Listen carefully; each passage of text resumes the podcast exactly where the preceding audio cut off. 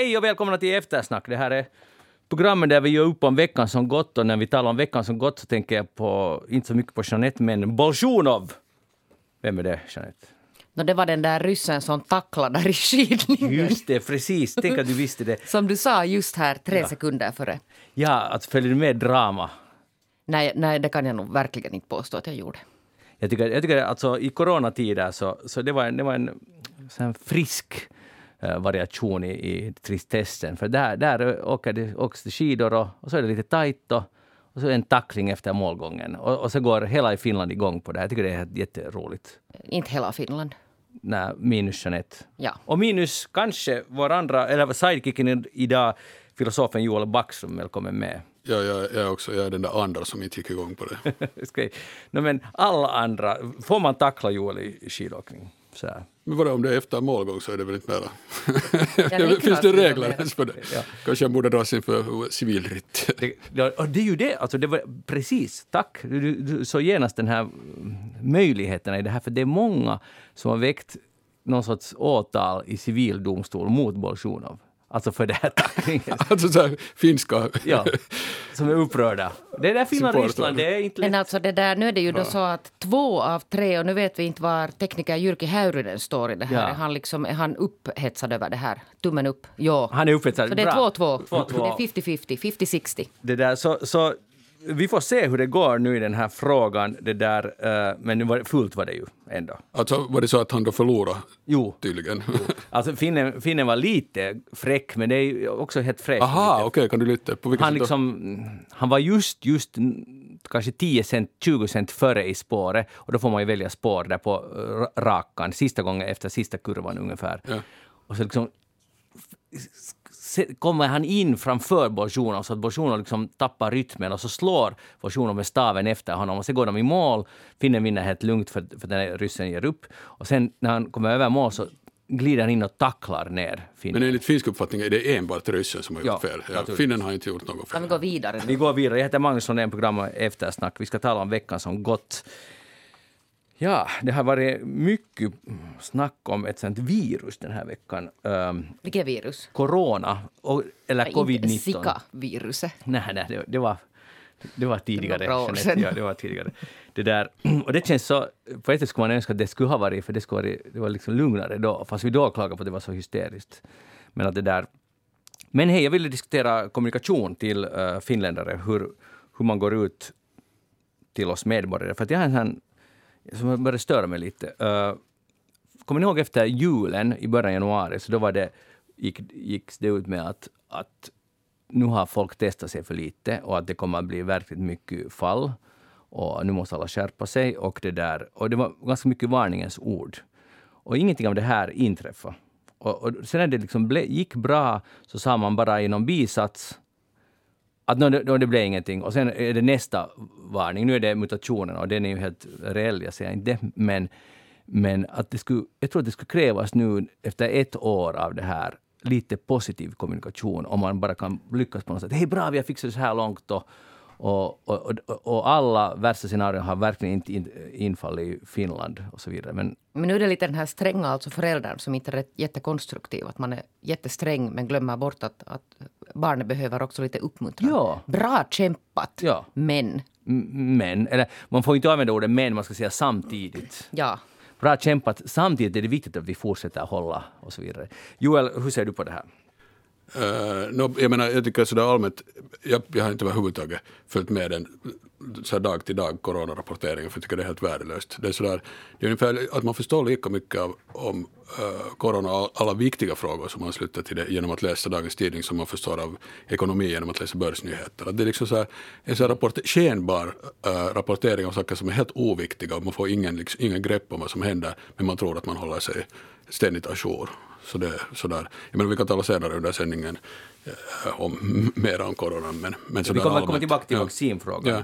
Eh, men, men ja, alltså det där är en bra liknelse för att börskurser, så man förstår ju lite om man ser, har tittat på dem i ett år eller kan blicka bakåt, så förstår man i alla fall vad som trenderna så att säga när det gäller värde på någonting. Ja, Och, och det förstår man ju också, man, nu ser man ju lite trender utifrån den statistiken, men det, det är nog alldeles otroligt. Nu har vi e- ett år haft online, alltså ständig uppdatering om hur många som är sjuka i Portugal just nu till exempel.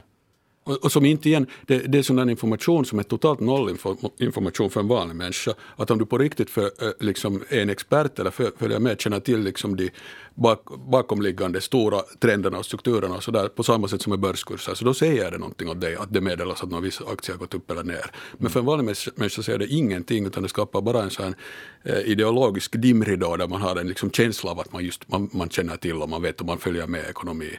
Och det säger inget, absolut ingenting, som med coronaläget. Vad säger de om de säger att, ja, att nu är det 200 nya fall eller 130 här eller där? Det säger ju absolut ingenting. Mm. Men ändå är man helt håller på och knarkar på det där som på en massa andra saker. Jo, man gör det. Eh, för det är någonting i den här nyhetsrapporteringen, och det gäller ju inte alls bara corona, utan vad som helst, att man, det är lite beroendeframkallande. Men det undrar jag, efter ett år av den här doseringen, ganska hårda doseringen, så vad gör man med den här informationen? Alltså, till exempel idag tror jag det var 360 fall, och igår var det mera. Och dagen innan var det kanske också mer. Sen dag, tidigare var det mycket färre.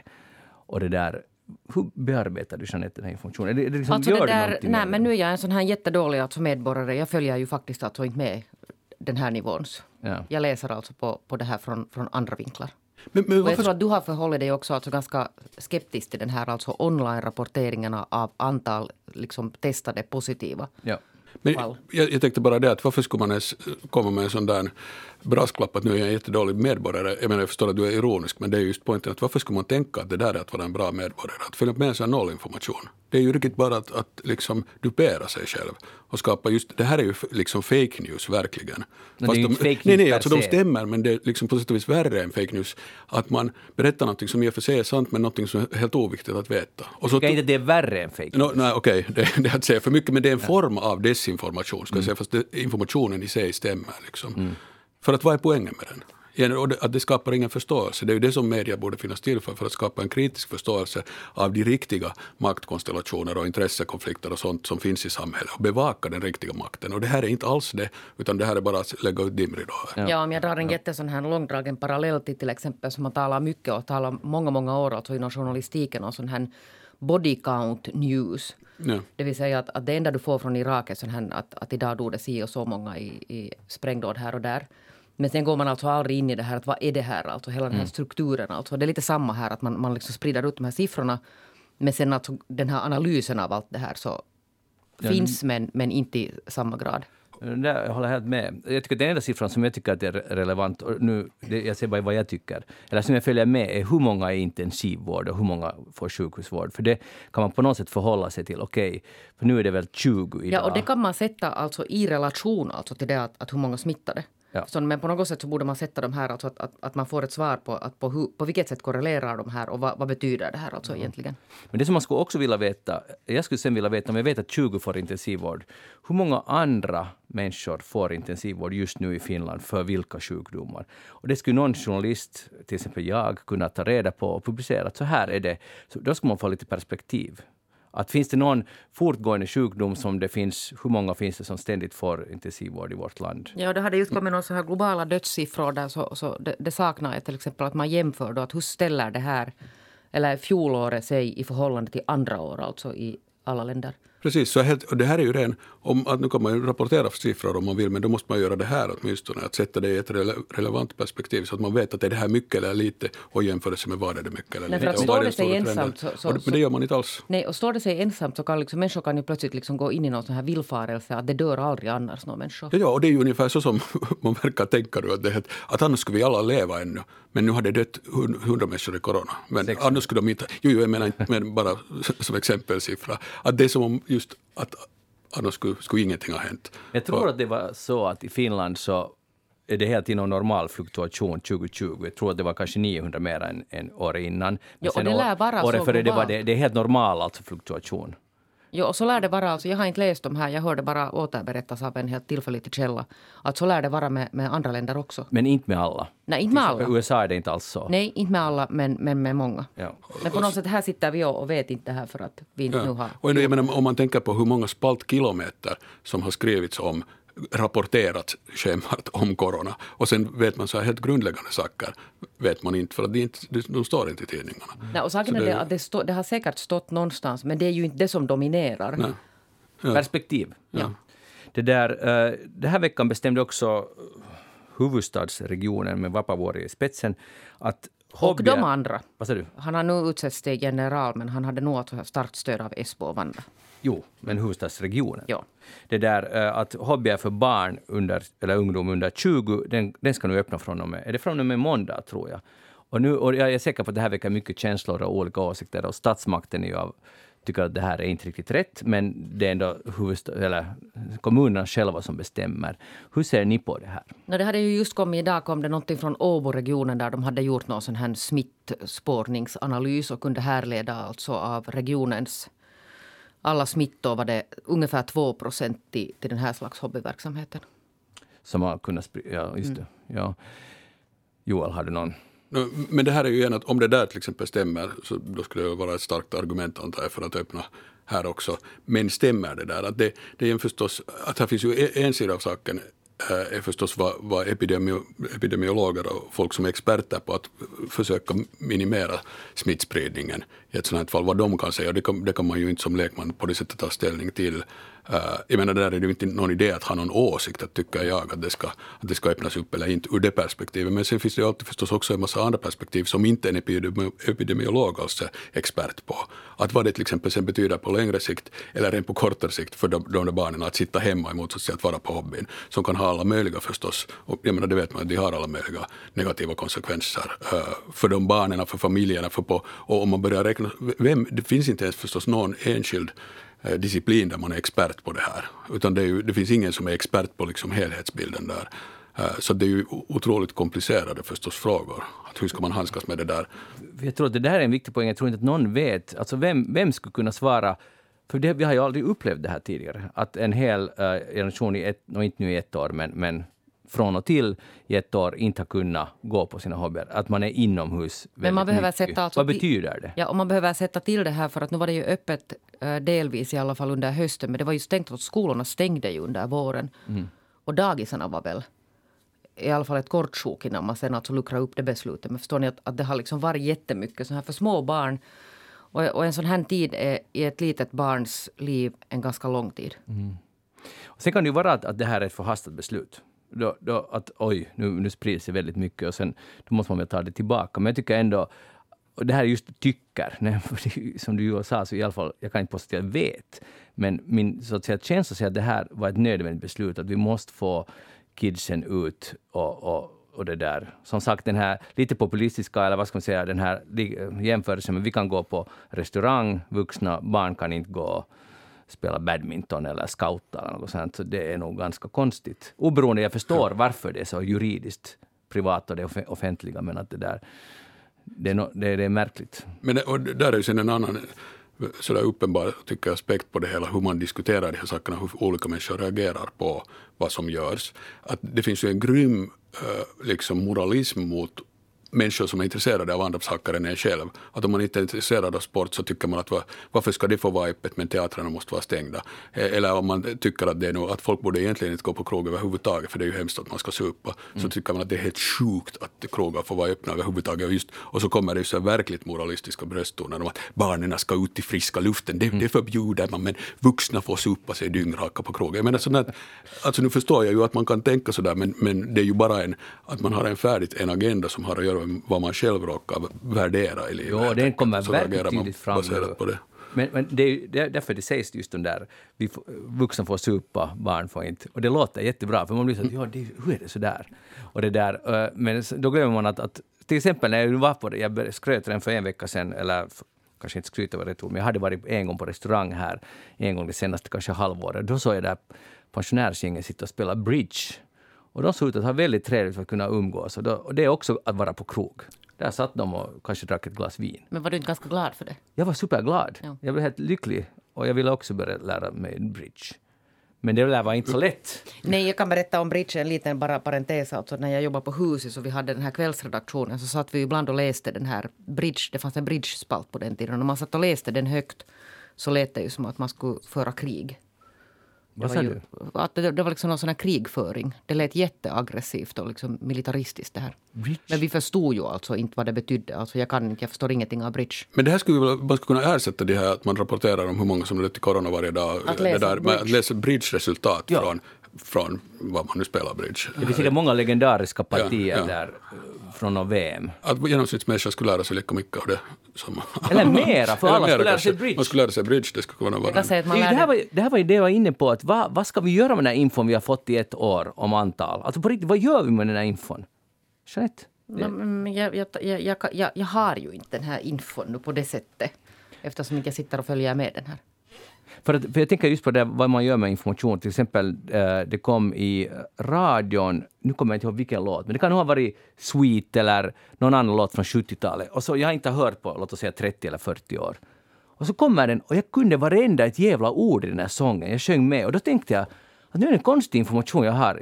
Jag, liksom, vad gör jag med den där? Jag kunde sjunga med allt. No, det gör du ju. Det är ju en viktig kunskap, att förmåga att kunna sjunga med i en bra låt. Jag kommer inte ihåg om jag skulle säga att det var The Sweet eller, någon, eller ABBA eller något. Kan du dem ännu? Jo, jag kunde den utan till. Men nu? Men jag inte vet vilken sång. Förstår du? Annars skulle jag gärna sjunga. Det här lät ju inte jättebra. Nej. Men det är ju, det är ju annars mer sådär allmänt tycker jag att den här just... Hej nu, förlåt. Ja. Det var ELO uh, Time, den här, den här, den från 1981. Första Twilight. Electric Light Orchestra. Ja, ja Twilight crawling through my window pane.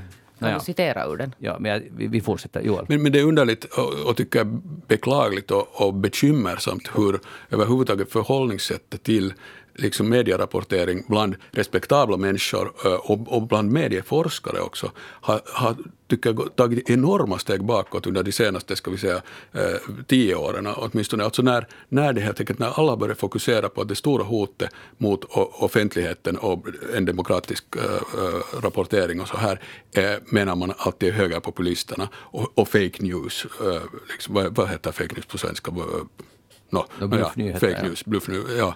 Uh, att det är det stora problemet och då har ju liksom respektabla människor och, och vänsterfolk till exempel också som tidigare skulle ha varit mycket kritiska mot vad som står, uh, vad du läser i Husis eller uh, Hesari eller New York Times, att, att det här har också en ideologisk agenda, vilket det hela tiden har. Så det har man på något sätt, om nu inte helt glömt bort så har det åtminstone fallit uh, i, i skymundan och det enda man är ungefär, alla står i en kör och säger att det är jätteviktigt att man ska fortsätta lita på respektabla media så att inte de där uh, fake-medierna, motmedierna får komma, liksom börja få genomslag. Så man har plötsligt slutit upp på ett så totalt okritiskt sätt kring... Det finns en gemensam fiende. Det finns en gemensam fiende, exakt. Och då, börjar man, då tänker man att man måste börja låtsas att, att allt vad vi, vi ser liksom på vår sida och de som då har blivit svetsat samman på grund av den gemensamma fienden, att allt vi ser är sant. Och man ska inte liksom, det finns kanske problem men de ska vi inte ta upp för då späder vi bara på konspirationsteoriernas kvarn eller så här. Att det finns en otrolig, tycker jag, brist på riktig maktanalys för tillfället, inom, också inom medieforskningsfältet. Uh, för att man fokuserar bara på den där uh, fienden som då nu är populismen är och deras fake news. Det, jag förstår ja. nog ungefär vad du menar, men det är så jättelätt att ha den där uh, så kallade fienden och alla, vi kan alla vi som är vettiga vara, vara kritiska mot, mot fake news. Vilket ja. ju, jag tycker det är helt rätt att vara kritisk ja, absolut, det. Men då glömmer man vara självkritisk till exempel också i samma veva, eller kritisk mot dem som tycker att fake news är bluff. För, för det blir ju polarisering, två läger helt enkelt. Ja. Exakt, och då börjar, när det blir polarisering så det betyder just att båda börjar ljuga. Så där på lite olika sätt men ungefär lika mycket. Att ingen deras sida vill ta något ansvar för vad den själv gör. Det är ju så det hela tiden blir en sån där uppställning. För man tänker hela tiden i termer av att vänta nu, kan jag säga det här eller kommer det att på något sätt gagna, gagna fienden? Så, att säga. så därför börjar man ljuga. Man, man vill inte ens lyfta fram de problem som man vet att finns på den egna sidan. För man tänker att det gagnar motsidan. Att det, blir, och det är därför som man säger, helt med rätt, att, att sanningen är krigets första offer. Det betyder på båda sidorna så slutar man tala sanning om den här konflikten. Liksom. Um, mm. ja. ja uh jag tycker gå vidare. Jeanette, ja. du, du vet att om, jag, om du säljer nypotatis till mig just mm. före, du har på något sätt lyckats fixa ihop en bra nypotatis just före man får det i butiken, så säljer den åt mig för 10 euro. Mm. Nej, förlåt, jag lånar den av dig för 10 euro. Att får jag låna den här putisen? Okej? Okay? Mm. Och sen, sen det där kommer det... Hur kom den här 10 euron in där? Vi ser den, det är så pass unik nu. Ja. Så, så, så lånar jag den för Kympi. Du ger 10 uh, Eller du ger 20? Nej, 10 ger jag. Och så får jag en nypotis av det. Och sen, sen släpps det all nypotis. Alla andra i Nagu och Skåne, allt, det finns plötsligt jättemycket nypotis. Och sen köper jag en nypotis för 7 euro. Okej? Okay? Mm. Jag säljer den där jag fick av dig direkt för 10. Förstår du? För den är ja. värd 10 på marknaden.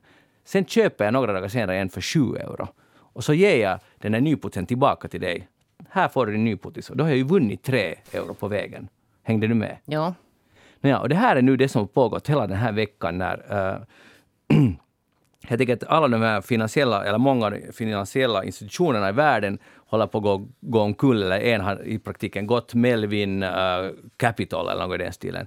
När de har satsat på att eh, aktierna i GameStop, som är alltså ett, jag tycker en butik som säljer spel och ingen vill ha en sån butik. Det är som att ha en video, VHS-uthyrning idag. Uh, och de har märkt att aktien bara sjunker och sjunker, så de har satsat på att den sjunker och har bundit helvetes mycket kapital på det. Oj vad du svär. Förlåt, jättemycket kapital på det. Och sen finns det då uh, ivriga, vad ska vi säga, män oftast som har lite kanske för mycket fritid och, och, och, och kanske lite för mycket pengar bestämmer att nu ska vi se om vi kan rubba det här systemet. Så de börjar köpa av GameStops aktier. Så de stiger i värde. Så det, nu när jag skulle ge tillbaka den nypotisen så oj, kostar plötsligt nypotisen tusen euro. Och då har jag ju förlorat massa pengar för att jag har sålt den när jag hade. Jag uppskattar jättemycket att du har försökt göra det här begripligt för mig men, med att ja. ta in en ny potatis. Ja. Men, men nu är frågan, förstod du? Ja, jag förstår. Ja. Och nu ska vi ge över till Joel. Ja, och, och, det, och nu är de här, alltså Capital, de har, de har mera, det heter ungefär sell short, alltså short Short selling, blankning på svenska. Blank, blankning, ja. Så nu har de, istället för att, för att aktien skulle gå ner, så har den stigit helt extremt mycket. Och nu är de skyldiga i sådana här blanks mera än vad hela företaget är värt, för att värdet har gått upp så mycket. Joel, har du följt med det här?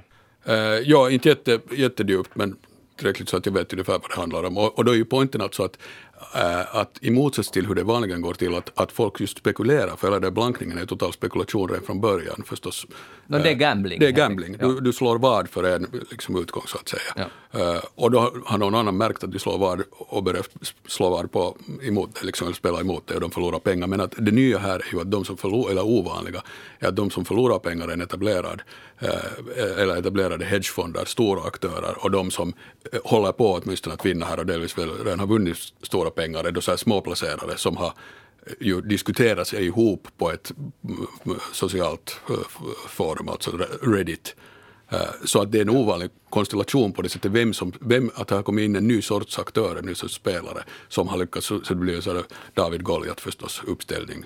Att här, här kommer den lilla människan och lyckas slå ut tänderna på den där stora bjässen som trodde att den kunde fritt spela på och, och göra Och de här spelar ju enligt samma regler. Det är helt, de, det gör, de gör ju inget olagligt ja. egentligen. Men, men att samtidigt, det som vi gör, det är liksom confusing är att, eller så här råddigt, vad, ska vi, vad är rätta ordet? Förvirrande. Förvirrande, tack är att man inte riktigt vet vad vill de här, det här gänget som gör det här. Vad är det, att de är småsparare, de är så att säga privatpersoner, men de har kanske inte något slutmål, de är bara emot. Eller utom att många av dem vin, förtjänar pengar på det. Så det ja, är väl en. Och, sen, men, och det är ju ett mycket begripligt motiv att vilja visa att de där som tror att de kan göra vad som helst och alltid bara vinna pengar äh, och är stora aktörer, att man vill visa att man kan mm. få det att kännas för dem. Jag läste en, en, det finns en text, eller en bok som kom ut 2014 av Martin Gurri som är någon sorts tidigare CIA-analytiker, men han har förutspått framtiden hemskt bra 2014 och, och, nu har de inte, eller det var för några år sedan intervjuade honom, honom, hans bok heter The Revolt of the Public och han skriver just om det här, det nya är det att just sådana här saker uppstår, men man vet, det finns inte en, en, liksom en på det sättet en ideologi, att man vet inte vad vill de? De vill inte det är oklart vad de vill och det är det som är det skrämmande för många. Man förstår inte att, vad, vad är det ni vill med det här auktionen? Och det, och det finns många motsvarande exempel och det kanske blir vanligare med det här. Det finns ingen, det är en revolution utan ett slutmål, utan det är bara emot. Det är ganska intressant. Ja.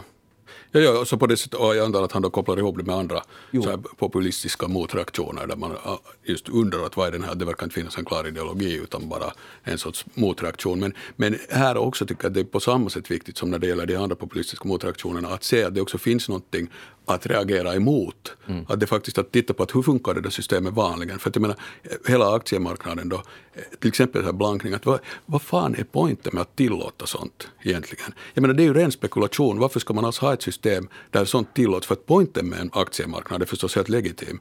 Uh, och det är ju alltså att, att företag som vill investera i produktiv verksamhet, uh, att de ska lyckas få uh, suga upp pengar från uh, Eh, från människor som har pengar och därför behövs det en aktiemarknad där du sen kan, att du kan sälja de aktier du först har köpt. köpt och så. Det är ju helt legitimt. Men det mesta som sker eh, på marknaden nu är ju, har ingenting med den där legitima uppgiften att göra utan det är sådana här spel på spel på spel eh, via tusen derivatinstrument som är helt bara spekulation kring det som är den där egentliga uppgiften och som är så massivt att det hela tiden skapar enorm instabilitet i finanssystemet. Det var det som hände 2008.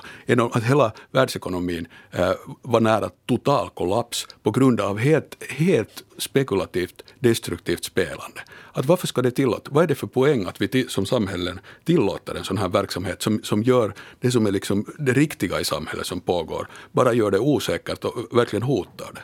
Ja, Varför ska det tillåtas? Ska Men det blir man inte alls upprörd över vanligen så att säga, utan sen, blir, sen är man så att vad ska vi göra nu när det har kommit någon ny, någon på Reddit där som har börjat gjort så här att vi, nu måste, det här måste vi reglera på något sätt. Men som om man inte skulle borde reglera allt vad de här hedgefonderna vanligen håller på med, som är helt, det är totalt illegitim verksamhet. Och, och, det intressanta blir här ju att, att det blir en stor oro sen, helt enligt så att säga spelens regler, helt någon satsar på att det ska gå uppåt och så vi sätter ja. igång det för att få det att gå upp. Det är ju helt samma, jag menar, man spelar enligt spelets regler de facto, men då blir man upprörd, institutionerna blir upprörda för att vilken fräckhet ja. att någon annan gör så här. Vanliga privatpersoner som har chattat ihop sig gör det här. Alltså det, det är liksom upprörande tycker de. Jag tycker att man måste tåla leken i så fall. Ja, ja, men sen tycker jag att den viktiga frågan är just att varför ska vi tillåta den där sortens lek som inte är någon lek utan för, verkligen förstör realekonomin på en massa olika sätt. Tror du man skulle kunna förbjuda en sån? För det är ju samma sak som vadslagning. Det är ju, det är ju som att gissa att Kärpät igen kommer att slå IFK. Ja, men tror du? Klart man kan förbjuda, man kan ju förbjuda vad, fan, vad som helst, alltså, det är ju ett problem. Men, men, men vet du, det finns ändå. Nej, jo, men, nej, men inte det alltså för att du kan du reglera marknaden. Eh, marknaden är ju reglerad redan på tusen olika sätt. Det, det vad det betyder att det finns en marknad, att det finns reglering. Så att man kan, det finns regler för hur saker görs. Men poängen är ju att, det, att under de senaste äh, decennierna så har, för att vara finansbranschen själv, vad de här spelarna sysslar med förstås att hitta på nya sätt äh, att göra pengar på just liksom bygga spel på spel så att säga. Som inte igen, som det enda de gagnar är de själva som kan kan det där spelet och kan vinna, mm. Eh, få spekulativa vinster på det. Eh, men det är ju ingenting som säger att du måste tillåta det. Att tvärtom skulle man, eh, när någon hittar på ett nytt sätt att igen bygga på ett nytt spel så skulle man kunna ha som princip till exempel att det måste visa på vilket sätt det här är nyttigt, legitim verksamhet, på vilket sätt det här är nyttigt för, för någon sorts realekonomi. Istället för att bara tillåta allt och sen försöka i efterhand möjligen gå in och, liksom, jag menar man borde inte betrakta det, utgångspunkten borde inte vara att det här är legitimt utan utgångspunkten är att du måste bevisa att det här är legitimt om du ska hitta på något nytt. Mm. Du, kan, du kan ju ha en, jag menar om man tittar hur det var för 50 år sedan så fanns ju ingenting av det här. Det var liksom det, det, var mycket simplare och därför överskådligare aktiemarknaden. Så det som vi har gjort det här möjligt är att det finns appar där vem som helst kan till och med utan någon kommissioner uh, sälja och köpa aktier på den här Robin Hood-appen. Och det är den som har skapat det, egentligen bland annat möjliggjort att det är på riktigt aktiesparande i snabbt och med små summor är tillgängligt för vem som helst. Och det tycker jag ju i grunden är en bra jo, sak. Det, det är en bra, ja. eller eventuellt en bra sak, inte vet jag alls om det är nödvändigtvis en bra sak, men, men varför inte? Men det är ju inte det är ju den här appen som har gjort äh, att det finns liksom miljoner olika äh, verkligt sofistikerade och bisarra derivativinstrument, nej, nej. utan det har ju de här stora spelarna äh, byggt upp och hela poängen är alltid att göra det ogenomskådligt och kunna liksom spela så att, sen, så, så, att andra inte förstår vad du gör, till exempel att dina egna kunder inte förstår vad du gör. Mm. Så kan du sen säga att du har liksom, man tar en större vinst som de inte skulle gå med på att ge om de skulle veta vad du håller på med. Att det, det är ju finansbranschen själv som har byggt upp det här, inte det är någon så Robin Hood-aktör där i skuggorna som håller på med det. Men det roliga är att Robin Hood-appen har nu fått, det finns en annan Robin Hood-app som, är, som värderar, liksom värnar om Robin Hoods arv. De har en sån här i Nottingham en sån här Worldwide Robin Hood Society, ett Twitterkonto. De har fått hundratusentals nya följare efter det här. Och folk tror att det är den där Robin Hood-aktieappen, men det är alltså Robin Hood som, från Sherwood. Ja. Men de är hemskt tacksamma för de har, liksom, de har fått en stort boost för det här. Ja. Så, så, så, kan det också gå. Men hej, nu går vi vidare till Jeanette Björkqvist som, som är inte en stor aktiesparare. Nej, det kan man ju inte säga. Jag har, vi har våra spargrisar. Bra. Den stora Och det kan vara, om det kommer nu en stor krasch, något, att den där spargrisen kommer vara ja, mycket värdefull. den och sen den här stora burken, myntburken, kattburken. Mm. Mm. Vad har du tänkt på den här? No, hör du, jag har det där, det finns ju sådana här hemliga perversioner som människor har. En del läser seiskapäivää när de går hos frissan och så finns det de här som sitter i smyg och tittar på sådana här dokusåpor, alltså sådana här reality, alla möjliga singlar på sådana här paradisöar. Och mina alltså det där hemliga perversioner, att jag brukar läsa i kvällstidningarna, de här när, när människor inom vissa branscher vet, berättar, talar ut sanningen om vad de egentligen tänker. Vänta, hur menar du? Nej, men det är till exempel flygvärdinnorna som berättar om att de värsta slags resenärerna ja, och vet ja. du, alla sånt här. Och nu ramlar jag över en jätteintressant sån här. Jag läser alltså de här. Jag tycker att de här är jätteintressanta. Alltså kommer de här regelbundet någonstans? Jo, jo, på, på kvällstidningarnas sajter. Och det här är nu säkert en sån här trash, alltså grejer, men jag älskar dem. Och nu ramlar jag över en sån här jätteintressant att här är den här småbarnspedagogikens anställda som talar ut sanningen alltså om vad de egentligen tycker och tänker. Om barn eller föräldrar? no, det, är lite, det, är lite, det är lite blandat här alltså. Här, här är alltså då både i Finland eh, på den här kvalitetssajten vauva.fi som är alltså ökänd för att där är alltså riktigt dålig debatt. Men där, nu har i alla fall den här Ilta-Sanomat fångat upp lite och, och refererar en sån här diskussion. Där är alltså då dagispersonal och tydligen vad jag uppfattar alltså lågstadie personal och sen är här någon rektor också som, som har det där tala ut eller skrivit ut. Och här är jättebra inlägg. Alltså de, de är ju, alltså det är ju förstås de argaste och mest upprörda och mest missnöjda som, som deltar i det här. Men jag tycker att här är en sån här som jag på något sätt liksom kan, kan sympatisera med i den mån jag nu har alltså följt med både vänners och den här mm, bekantas diskussioner om skolvärlden idag. För här är då en klasslärare som är riktigt alltså trött på den här cyniska branschen som hen skriver. Och skäller alltså då riktigt hårt ut de här, de här jättestökiga barnen som trängs in alltså i klasserna nu för tiden. Där sån här gammaldags, alltså helt vanliga elever plötsligt framstår som någon sån här pedagogiska alltså, uh, hjältar.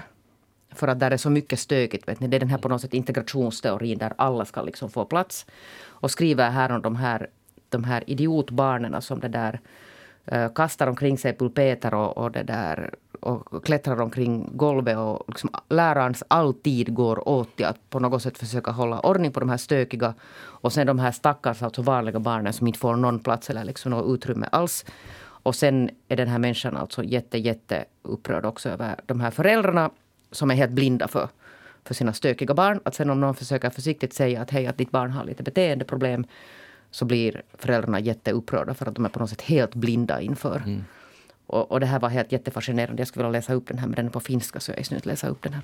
Men, och din slutsats är? Min slutsats är det att, det att jag tror att det är säkert, fast det här nu kanske är ganska kraftigt överdrivet, det liksom berättar bara om en väldigt djup frustration. Men jag tror säkert att det ligger någonting i att dagens föräldrar kanske har lite svårigheter att äh, förhålla sig så där sunt kritiska till sina barn. Vad man nu har liksom följt med här. Men det är säkert ganska svårt. För att om man, om man har, det är ju svårt att tro. Kanske ens barn beter sig helt okej okay hemma och så tycker man att det är skolans fel eller någon annans fel. Jag, jag menar, inte det är egentligen så förvånande. Eller är det? Mm, ja, alltså jag tänker, för att jag har, jag har funderat jättemycket med den här. För att det där, förr i världen var det ju så, då för, på den gamla goda tiden, så var det ju så att lärare var ju alltså en auktoritet. Det tror jag att jag har sagt. Det var inte bara gamla goda tiden. Nej men alltså det, det lär nog vara så nu att det där, jag vet inte liksom vad det är som har förändrats. Att är, det, är det skolan och liksom hela den här på något sätt liksom kulturen inom skolan eller är det, är det barnen och deras föräldrar som har förändrats eller är det båda dera? Men, men det där men nu har jag nu uppfattat från skolvärlden ganska starka signaler om att, att läraren inte riktigt mera är den där auktoriteten. Att om nu läraren säger att tyst eller gå ut eller du får kvarsittning så då var det nog förr i världen ganska sådär att då blev man att, att det betydde någonting, att det var ett mm. straff mm. Mm. som man respekterade och, och hemma blev man kanske upprörd över att herregud, att hur har du betett dig i skolan som, som hamnar på kvarsittning till exempel. Medan det i dagens värld inte riktigt lär fungera på det sättet. Men jag undrar om det är sen lösningen, alltså att, att kalla dem för idiotbarn. Det är ganska... jag vet inte hur konstruktivt det är. För att inte nu någon det var barn kanske lite, mju, kanske lite, inte, inte just ordet idiot, men det var nog ganska sådär. Men, men alltså här riktades nog, alltså udden av kritiken riktades mot föräldrarna. Ja. Och, och det sades att de är liksom ännu värre sen att, att hantera än de här alltså stökiga barnen som, som klättrar under pulpeterna, eller på pulpeterna. Men, ja, men nu stämmer det väl sådär äh, allmänt taget att Eh, Eh, att vi har dels en sån där, alltså två liksom olika men samverkande eh, tänkesätt och eh, liksom trender som båda gör att hela auktoritetsidén liksom inte riktigt mera att den inte finns, eller folk har svårt att ta det på allvar. dels att man tänker på sina rättigheter helt enkelt att, man, att jag har vissa rättigheter, liksom, jag kan kräva. Eh, och, och, men man nästan aldrig tänker på att man skulle eventuellt ha några skyldigheter eller något ansvar i en situation. Och sen, det är ju liksom så att säga ett, ett, politiskt sätt att tänka på det där. Och sen finns det det att man är, tänker på sig själv som kund och kunden har ju det som känt alltid rätt, fast det är förstås en helt idiotisk idé. Varför ska kunden ha rätt mer än någon annan? Eh, men så tänker man ju, att jag har liksom jag har betalat och jag borde få. Igen, att man liksom kräver på antingen i rättighetstermer eller som kund att få, få på något sätt en massa saker och utan att alls tänka att man borde ha något ansvar för, för situationen eller bete sig på ett vettigt sätt att det är väl helt, i hela västvärlden åtminstone så är det ju en, en lång trend som förstås har börjat på 1700-talet. Så att säga, som inte, men den är ju bara, det är ju liksom den där dåliga sidan av det som är en bra sida förstås. Så det är ju bra till liksom exempel att folk förstår att man kanske på riktigt, att man har ju vissa rättigheter. Att bara för att man är fattig till exempel så betyder det inte att andra människor kan behandla en som man inte skulle vara värd någonting. Att förstås är det liksom den goda sidan av den där utvecklingen är ju en genuin liksom demokrati, demokratiseringsutveckling, att vanliga människor också blir värda någonting.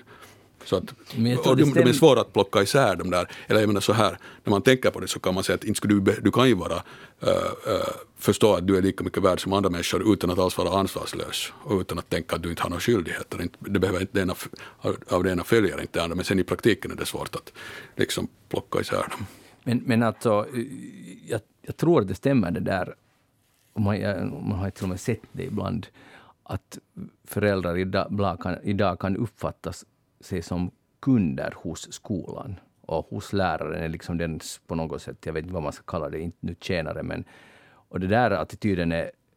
Alltså att vara lärare i en sån situation måste vara helt horribelt. Att, att föräldrar som är jättemåna och sen också barn måna om sina rättigheter supermåna om sina. Jo, och det och, finns aldrig den andra som du sa. Nej, och det lär nog finnas det där också, de här föräldrarna som jättelätt om inte saker går just som man vill så börjar man vifta med det här myndighetsanmälningskortet ja. till exempel. Men det där, där blir ju alltså ett problem om, om det nu råkar sig då så att, att ens barn hamnar i en väldigt, väldigt stökig klass, alltså där det finns många stökiga barn. Mm. Varav en del säkert har alltså på riktigt några neurologiska saker och andra kanske har mera andra slags mm, problem. Och, och, och då de här alltså som, som den här läraren beskriver, så den här liksom gammaldags eleven, alltså den här helt vanliga eleven som förstår att man sitter tyst och man är i skolan för att lära sig och man skulle vilja liksom lyssna på vad lärarna pratar och det inte finns utrymme för den. Mm. För att, för att nå det är ju så att barn har ju också rätt, alltså det finns en rättighet att lära sig. Alltså den här, och, och då blir det ju nog ganska krångligt. Ja, och jag undrar om någon har hittat på lösningen på det där. No, inte det är ju ett faktum där... då. Vad ska man om vi har... No, jag säger alltså, alla alltså, som är lärare säger att, som har varit länge lärare säger att det har faktiskt förändrats i klassrummet. Ja, jag skulle nu säga att liksom en snabb lösning är att man borde sätta in alltså mer assistenter. Alltså det skulle finnas... Det gör man väl? Uh, ja, men inte väl alltid riktigt. Det finns ju liksom när man sparar i kommunerna så kanske man sparar allra först där. Men att om det är jättestökiga klasser så då borde man ju på riktigt, alltså, då måste finnas alltså vuxna som... Någon där borde ju analyseras där. Hur, hur, vad, vad, det som, vad, vad var det som hände att barn är ännu mer rastlösa än tidigare. Det behövs assistenter om det inte behövdes tidigare. Att vad, vad var det som hände? Jo, och då finns det alltså den här falangen som säger att ja, för att nu för tiden så är vi mycket bättre på att känna igen sådana här ADHD och liksom sådana här neurologiska alltså diagnoser. Men jag är nog ganska säker på att det är inte hela förklaringen. Vi får fortsätta en annan gång den diskussionen. Joel Backström, vad har du tänkt på den här veckan? Uh, jag har faktiskt tänkt på en, en coronarelaterad fråga. En av de där frågorna som jag tycker att just precis inte har tagits upp i offentligheten.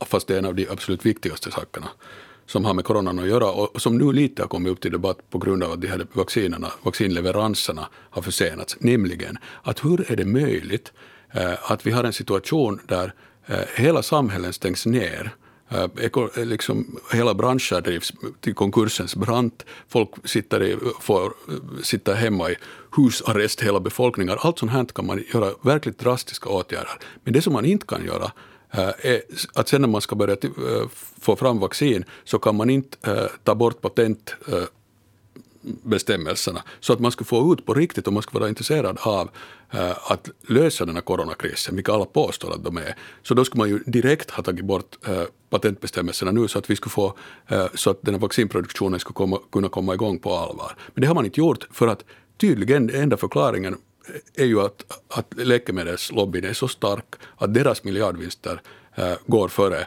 äh, folkhälsan. ja, som väl delvis dessutom baserar sig på alltså offentligt finansierad forskning. Inte bara delvis, utan nästan helt och hållet i det här fallet. De här, äh, de, alla de vaccinerna som nu är liksom nästan färdiga är ju mer eller mindre helt äh, finansierade forskningen där av publika medel som har lagts ut nu, att man lägger ut miljarder för att få fram coronavaccin. Eh, så där, de tar ingen risk när det utvecklas, det, det utvecklas med våra pengar. Så tar de ingen risk sen heller när, eh, när vaccinerna är färdiga för att eh, länderna ju har gått med på att stå för alla eventuella kostnader om det blir komplikationer, biverkningar. Så de tar ingen risk på den sidan. Men alla vinster får de rulla in till sig själva. Och inga, det, det ställs inga krav på att de måste säljas till ett, till ett överkomligt pris till exempel. Att det är så helt, eh, jag menar, om man tänker på att slu, få slut på eh, eh, epidemin, pandemin, så är det ju ungefär sådär som att du ska ha tio äh, livbåtar när, båt, när skeppet sjunker och sen säger man att ja, sorry, att vi kan bara använda den här ena för att vi har, vi har sålt, gett monopol åt den här som äger den här ena livbåten. Att resten kan tyvärr inte användas nu. Det är det är vad situationen är nu. För, för det som ja. man specificerar att om man ska ta bort det här patent, till exempel tillfälligt, vilket har ja. fram, det är ju det som, ja, så ska man kunna börja tillverka på licens över hela världen. Ja. Och, och, att här, så de står ju alltså obruka, obrukna nu, de här kinesiska och indiska till exempel fabrikerna som ja. har jättestor kapacitet att ja. producera de här. Och det här, det här var ju, eh, jag menar nu har det lite börjat rapporteras om det eftersom det, vi märker att vi nu faktiskt konkret har skjutit oss själva i foten. Att äh, de här vaccintillverkarna kan inte ge ens åt oss så mycket som de hade lovat. Men det här var ju tidigare, redan under förra året så var det då Indien och Eh, Sydafrika som föreslog i WTO, Världshandelsorganisationen, att det här patentet skulle lyfta, äh, hävas. Och det skulle man kunna göra redan in, inom liksom det nuvarande regelverket i WTO. Det finns en sån möjlighet att göra det. Och det är ju helt självklart att man borde just i ett sånt här läge använda det. Berätta Joel, hur, hur, hur röstar medlemsländerna? Ja, EU och USA var ju de som starkast motsatte sig det. Så vi, har, vi vår, våra regeringar, har suttit där och sagt att nej, att vi, vi bryr oss inte om att få slut på den här pandemin. Det är vad de konkret gör. Och sen här hemma så, berätt, så sätter de oss nog i husarrest och, och gör, liksom, begränsar, just begränsar livet på alla möjliga märkliga ja, sätt. Och skapar det här chimären att nu är EU jättehårt här och kritiserar och kräver och, och kritiserar de här. Ja, och, det är ju, och nu har de idag släppt det här uh, AstraZeneca-kontraktet. Jag hade tid att titta på det lite. För det var, uh, marknadsfördes som en stor öppenhetsgrej och vi vill tacka AstraZeneca för att de också är för öppenhet det, det stod där i EU-kommissionen, alltså ja. våra representanters liksom pressmeddelande. Så jag, sen kunde man ladda ner det här avtalet, vilket jag gjorde då. Det, det var väl svärtat i ganska... Ja, det är 45 sidor. Och det där, varenda sak som är på något sätt känslig, framförallt det som jag är nyfiken på, vad, vad exakt kostar det här dealen? Och under vilka omständigheter kan man bryta det? Och sånt. Allt är svärtat. Till exempel cost of goods.115.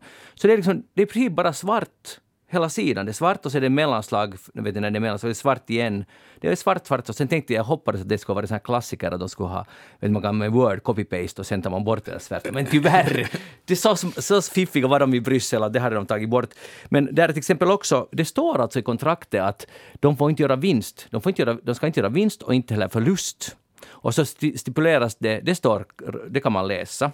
Så i princip så gör de inte vinst, men sen står det ändå inte till vilket pris de säljer det. Och det, det förstås motiveras med konkurrens, konkurrens och så där vidare, att det finns andra företag. Men då, jag tycker man borde ha sagt, en så stor uppköpare som EU eller USA, USA säger att, att en deal, att ni all, vi gör deal med er, men alla kontrakt ska vara transparenta. Ja, alltså att, ja. att, det här är en förutsättning i så fall. Men inte ens det får man igenom. Och sen är det där, uh, där är också där är superintressant att, att det står i en punkt, en klausul, sen är det svärtat, men det, man förstår så mycket att, att om det kommer uh, överraskande utgifter så kan priset höjas. Och, och, det är nu bara så. Då kan EU-kommissionen skicka någon sorts delegation och checka att är det här nu skäligt att det höjs, men att, men att det kan höjas. Så, så den prislappen är inte ens egentligen fast. Den kan bli dyrare.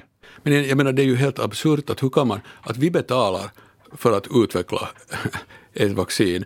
Och sen kan vi inte, så kräver vi liksom ingenting utan vi tackar dem om de har lust att vara transparenta. Ja. Jag menar, hur, hur, kan man göra så dumma... Jag menar, det är ju helt galet. Det har ingenting att göra med att man skulle försvara allmänhetens äh, intressen på, no, på något sätt. Att, och, hur kan det där, och igen, här, det är ju inte det att, att man liksom ska peka finger på det, de där läkemedelsbolagen för att de är ju, de är, beter sig ju, det enda de är intresserade av att göra så mycket pengar som möjligt. De är helt ointresserade av att det är bra mediciner eller inte. Det är ju det, vad det betyder. Nu tror jag att de vill göra ett bra vaccin. Då, alltså, säkert har de ingenting emot att göra ett bra vaccin, men det som är deras primära intresse är att göra pengar äh, på de mediciner, bland annat ja, vacciner de gör. Det är ju, för det är, ju, det är ju helt underligt också den här paradoxen att man å ena sidan säger man att vi måste ha ett privat Eh, Eh, system, för annars skulle ingenting bli gjort. Vad betyder det att säga det här? Det betyder just att det enda man egentligen, det enda som driver folk, det enda som kan få någon att utveckla nya vacciner till exempel, är att man kan göra vinst på det. Annars skulle man ju, det är ju, det är ju argumentet där. Men sen varje gång när man påpekar att veta, hur kan det vara att här tar ni nu till exempel uh, tusen euro för en medicin som det kostar en euro att framställa. Att hur, vänta nu, på vilket sätt är det här? Så säger de att, att, nej, att vi måste bara, vi, annars skulle vi inte kunna forska och det enda vi är intresserade av är att forska och utveckla nya mediciner. Och inte det, inte det alls så att vi försöker ta så mycket pengar som möjligt. Det här är ju helt paradoxalt. Att ena dagen, å ena sidan säger man att, det enda, att vi måste finnas för det enda som driver saker framåt är att folk gör vinst på det. Och sen alltid när man kritiserar säger man att, att nej, att vi inte alls inte gör vi någon vinst utan vi vill bara, vi måste trygga att vi kan forska vidare och göra ännu bättre mediciner. Det är ju helt idiotiskt och dessutom kan man aldrig bedöma någonting eftersom allt är hemligstämplat. Så, och det här är ju inte någon konspirationsteori utan det här är en helt öppen konspiration. Att folk som man verkligen överhuvudtaget inte kan lita på, eh, det vill säga företrädare för eh, ett enormt bolag vars enda intresse är att göra vinst. Jag menar, man kan lita på att det, det är vad de försöker göra men man kan inte på det sättet lita på att de agerar i vårt intresse. De sitter i hem, hemliga eh, möten och förhandlar Eh, med byråkrater som man just precis sådana här tillfällen inte alls heller kan lita på, som ofta kommer dessutom tidigare har jobbat eller efter att de har varit byråkrater så går de och jobbar på för läkemedelsföretagen. Eh, så man, jag menar, det är ju helt klart att de här är de, de sista vi kan lita på. Det enda som gör att man kan lita på byråkrater är att det, det är öppet och transparent vad de gör. Och just den här transparensen, alltså om inte annat, så den är, det är ett totalt misslyckande. Det som är helt, helt förkastligt och, och ganska omoraliskt och så vidare. Och så vidare. Inte bara ganska. Nej, nej, väldigt. Och, och, och, och det att, att, mm, att vi inte har en stark politisk rörelse som säger att nu får det räcka att, att, vi kan ju inte ha det så här. Det skulle vara ganska starkt om EU-kommissionen skulle säga att vi ska, vi ska inte ha det så här. Och, och, speciellt så skulle det funka om hela världen, skulle säga det, för, för annars skulle det kanske uh, inte funka. Men, men där till exempel i, i kontraktet står också om de här IP-rättigheterna, alltså helt enkelt rättigheterna till... De, alla rättigheter behålls hos, i alla, mm. under alla omständigheter hos läkemedelsföretaget. Så det finns inte ens någon, någon uh, tanke om att vi ska skicka ut på licens och vi ska göra allt för att stoppa pandemin. Utan det är liksom, man skyddar bolagets uh, ja.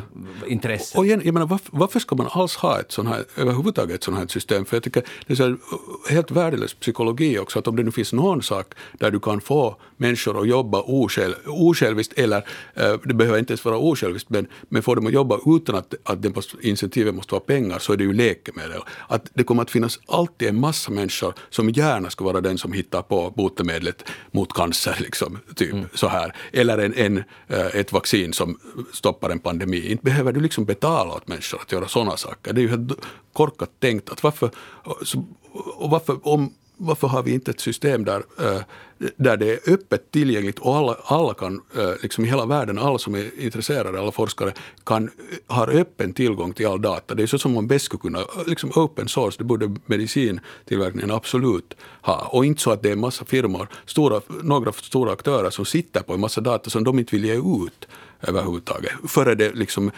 äh, visar sig att här kan de verkligen göra pengar. Och de är ointresserade av att forska i alla de viktigaste frågorna, som nya antibiotika. För antibiotikaresistens är en av de största problemen. Men det är ointressant för dem därför att det är så osäkert. De är ju alltid intresserade bara av att forska någonting där de på några år eh, kan eh, hova in en massa pengar. Och så får de monopol och kan verkligen hova in, kan kräva vilka priser som helst. Det är helt totalt oacceptabelt och ruttet system. Det är ett ruttet system och, och det som är en konsekvens, och det kanske inte direkt ja, nu hör sig också till det här. Till exempel läste jag en artikel från Moldavien där de inte har, eh, inte en enda person har ännu fått ett vaccin och det är helt oklart när de någon gång kommer att få. Europas fattigaste land. Och sen finns det förstås massa andra exempel från resten av världen. Men det här är ju också vad det leder till. Och sen det, det, i det här kontraktet är det att det är en stor fin sak att till till exempel vi i Finland, om vi skulle ha extra mycket vaccin, så vi skulle kunna ge vidare till till exempel till Moldavien. Det finns en klausul om det. Men vad är det för det är ju inte så otroligt. Liksom att vi, vi har rättigheten att sälja vidare, ge vidare om vi vill, men det kommer inte att ske förrän varenda en i vårt land är fixad. Att, ja, att alla tänker ja. bara på sig själva ändå. Och det där är ju också en, en sak som förstås läkemedelsfirmorna inte alls forskar i, är ju äh, malaria och alla de här andra äh, fattigmans äh, sjukdomarna. För att det inte finns pengar där. Och igen, det är ju inte att man ska liksom säga att de är så onda människor där på äh, AstraZeneca. Utan deras intresse är att göra pengar och då kommer de att bete sig just precis som de beter sig nu. Och det borde man ju förstå. Man borde inte vara så naiv att man tror att, no att det kommer att gå på något annat sätt. Det där i Kanada, här lite, mm, så här, vad som händer när det här vad det här kan skapa. Ett, ett miljonärpar som flög, tog flyget, ett privat jetflygplan till, till Yukon, till Whitehorse en trevlig liten håla där jag också har varit någon gång i tiden. Och, och, det där. och för där skulle de dela ut i, i Beaver Creek, det bor hundra människor där, där skulle de här uh, ursprungsbefolkningen få sin, sitt vaccin. Så de flög dit under täckmantel och sa att de driver ett motell här i regionen, så de skulle få vaccinet först. Och det, och det här också, tänk att man går igenom allt det här. Alltså förstår ni att, att, att, att människan är så, jag egentligen är säkert inte så överraskad, men de blev tyvärr fast, eller inte tyvärr med rätt åt dem, och nu kanske de hamnar i finkan i sex månader, det här miljonär... Utan vaccin? Uh, jag, tror, jag tror att de fick vaccinet. De hann få det. Men tänk så evil att sitta där och fundera ut att, att ah, där är Beaver Creek, där långt, långt uppe i norr, vi får dit. Ja, men, och sen i, från Italien hörs det att nu har maffian fått intresse för vacciner, för det är så mycket stålar in att de säger att vi skulle kunna fixa det här, eller vi kommer att fixa det. Distribution och allt och ägandeskap. Det är ju inte heller så trevlig, trevlig liksom framtidsutsikt där. Men äh, vi lämnar de här sakerna. Men utom att ännu bara, jag tycker nu är det ju det viktiga poängen här är väl ändå det att, att hur kan vi gå med på äh, att ha ett här ja, system. Hur, hur, Nej, att, varför går vi med på att sitta inlåsta hemma, här har vi inte haft utegångsförbud, men sådana här massiva restriktioner det tar vi helt emot. Och, och jag menar, det är ju på ett sätt bra, att man, men då ser man ju att så vi kan, om vi vill, kan vi göra radikala beslut som är i allas bästa. Eh, med, allas, med folk, folkets bästa för ögonen. Men här kan vi inte göra det. Nej. det är man ska sikta all den där energin som man ägnar nu till att vakta andra människor och hur de beter sig. Och man ska rikta den energin till att alltså utmana beslutsfattare till exempel. Ja, och läkemedelsbolag. Och liksom ja. transparens, allt det här. All, alla de här sakerna hänger ihop. Och, och, och Jola, jag håller med dig, att tänk allt vad vi har lyckats. Människan har lyckats. Vi går med på, inte här som sagt, men många länder har de suttit inomhus i några månader. Det hotas med utegångsförbud ja. i det här landet. Det är den här fas 3. Och det, vi, vi står i honör. Ja. Och jag tycker det är helt bra. Det är bättre samhälle att, vi, att okej, okay, det finns en fara, vi måste ta hand om det. Men det skulle förutsätta på alla plan att, att man förstår allvar i så fall. Och just med den här vaccinfrågan till exempel. Det där, uh, nu tänker jag glida över till lite lättsammare. Jeanette, brukar du ibland låta tankarna glida iväg? Ja, titt som tätt. Du, har, du, du är inte alltid helt fokuserad? Nej, det är jag verkligen inte. Hur är det med dig, Joel? Vad sa du? ja, hur har du det? Ja, ja nej, de glider ofta iväg. Okej, okay. för att det där nu har forskarna där lyckats lokalisera de hjärnvågor som som signalerar att nu är du inte fokuserad, inte koncentrerad, utan tanken liksom glider iväg. Så här dagdrömmeri. Järnvågor. Jo, alfa, alfavågor. Det är på de vågorna man glider iväg. Ja. Fråga inte nu mer om det, utan men det intressanta är att man har lyckats liksom, eh, separera de här från fokuserade tankar, att du har en arbetsuppgift och nu ska du snacka här i mikrofonen och istället tänker du på annat. Och man kan liksom via någon apparat zzz, följa med att, nu... Bara ange det där vilket det här kvalitetsforskningsinstitutet är. Hög, mycket hög. Uh, Proceedings of the National Academy of Sciences Journal, där har det publicerats i, i förra veckan. Och nu tänker jag bara att det här är fantastiska möjligheter, vilka det här gör. Att till exempel jag en övervakning av sin arbetsgivare. Ja! Du såg det också! Ja. Är det inte, alltså, jag blir så glad alltså, som driver ett litet företag. Jag skulle ha en, en liten monitor i mitt rum och kolla att finns det någon som dragdrömmer. Och sen, hur skulle man Joel sen kunna liksom till, liksom bestraffa? Sparken direkt. Eller först elchock. Först, ja, eller du måste väl, ja. Eller först måste ju en, först en, till, vad heter det, en varning en gång. Ja. Att om du en gång till om tankarna börjar fladdra iväg så då är det sparken. Men då, nu skulle man få alltså pli på människor och, och, och att varje gång tanken liksom slirar lite så får man till exempel en elektrisk chock. Och nu hoppas jag att alla lyssnare förstår att du skämtar. Jag skämtar hemskt mycket. Ja. Jag är lite rädd egentligen. Ja, det där, jag tror ju inte på det här att man kan mäta några sådana vågor, Jag men tror, det är nu bara jag. Jag tror på, jag tror att det här Men är oavsett om man kan eller inte så kan, kommer folk att försöka och helt, man kan ju införa en regel att man, man säger bara att Magnus säger att jag, jag har sen, nu mäter. Han kan ju Utom ge då den där när man- chocken sen när det... Utom då när man som bra som en arbetsgivare vet att det är bra för arbetstagaren också att ibland vara ofokuserad för att det ökar effektiviteten. Jo, jo, absolut. Och Det vet vi och det är bra att ta en eftermiddags tupplur. Det finns alla möjliga, men det finns alltid sådana som tycker att full fokus är enda sättet. Och, och att, att jag betalar lön Eh, till arbetstagare. Ett stort företag vill att det ska vara mer effektivt. Så det är klart att, att det är störande om, om 20 minuter av en timme går till tomma tankar, så kallade tomma tankar. Så då är det, ju, det är ju inte effektivt. Och jag tror att här finns en grym tillämpning. Det kommer att bli men jag tror 10 år, fortfarande 20 inte år. att jag måste få läsa det att hur mycket mäter man det där, några sådana vågor från hjärnan. Det där har jag lite nu svår, svårigheter med. Ja, det Hela kan man grund- verkligen fundera. Det, det måste vara, man, de, de måste ju ha rapporterat, då tänkte jag på något annat åtminstone, det måste vara Nej, men han påstår att med det finns någon sån här mätare att man kan... Jag siktar Ja, nu förstår jag det, men hur visste de från början alls att det, hur vet de att just den där vågen är, vågen är att tankarna flyger iväg? Ja, det måste vara någonting att de har kopplat några så här elektroder De, till de, har frågat, de har haft folk att försöka fokusera på någonting och sen när de säger att oj, nu, nu, nu tappar jag tanken och då ser man att det blir alfavåg. Okej, men det kan inte alltså, det är ingen extern mätare. Jo, just det, det måste vara någon jo, sån nej. De har kunnat mäta, alltså de har mätt samtidigt som människan har försökt Ja. tänka och varit koncentrerad och sen har tanken slunkit iväg så de jag kunnat tänker se alltså, skillnader. Jag som är sån här det där enkelt lag, jag tänker, jag tänker att har man tejpat fast någonting i huvudet? För att det kan inte vara, förstår du, en, en mätare som inte är kopplad till huvudet. Nej, den är säkert, det kan vara att det finns någon sensor på din Det var panna. det som blev att störa. Du står liksom med någon sån här, vet ni, som någon Ja, men ser du, sen kan man få den trådlöst och, och, det, måste vara ett villkor för att få jobb på min firma att du har en sån grej i pannan hela tiden. Jag ska aldrig söka jobb hos dig, Magnus. Nej, det uppskattar jag.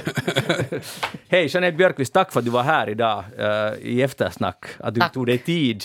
Och Joel Backson, filosof, tack för att du var här. Eh, vi hopp, och vi hopp, Jyrki Häyrynen, uh, tekniker idag. Jag heter Magnus Lundén. Och ni får gärna e-posta oss och det blir säkert många saker ni har synpunkter på. Vi älskar att få feedback. Eftersnack yle.fi eller gå in på Facebook facebook.com eftersnack och tyck till. Vi hörs igen om en vecka. Hej då!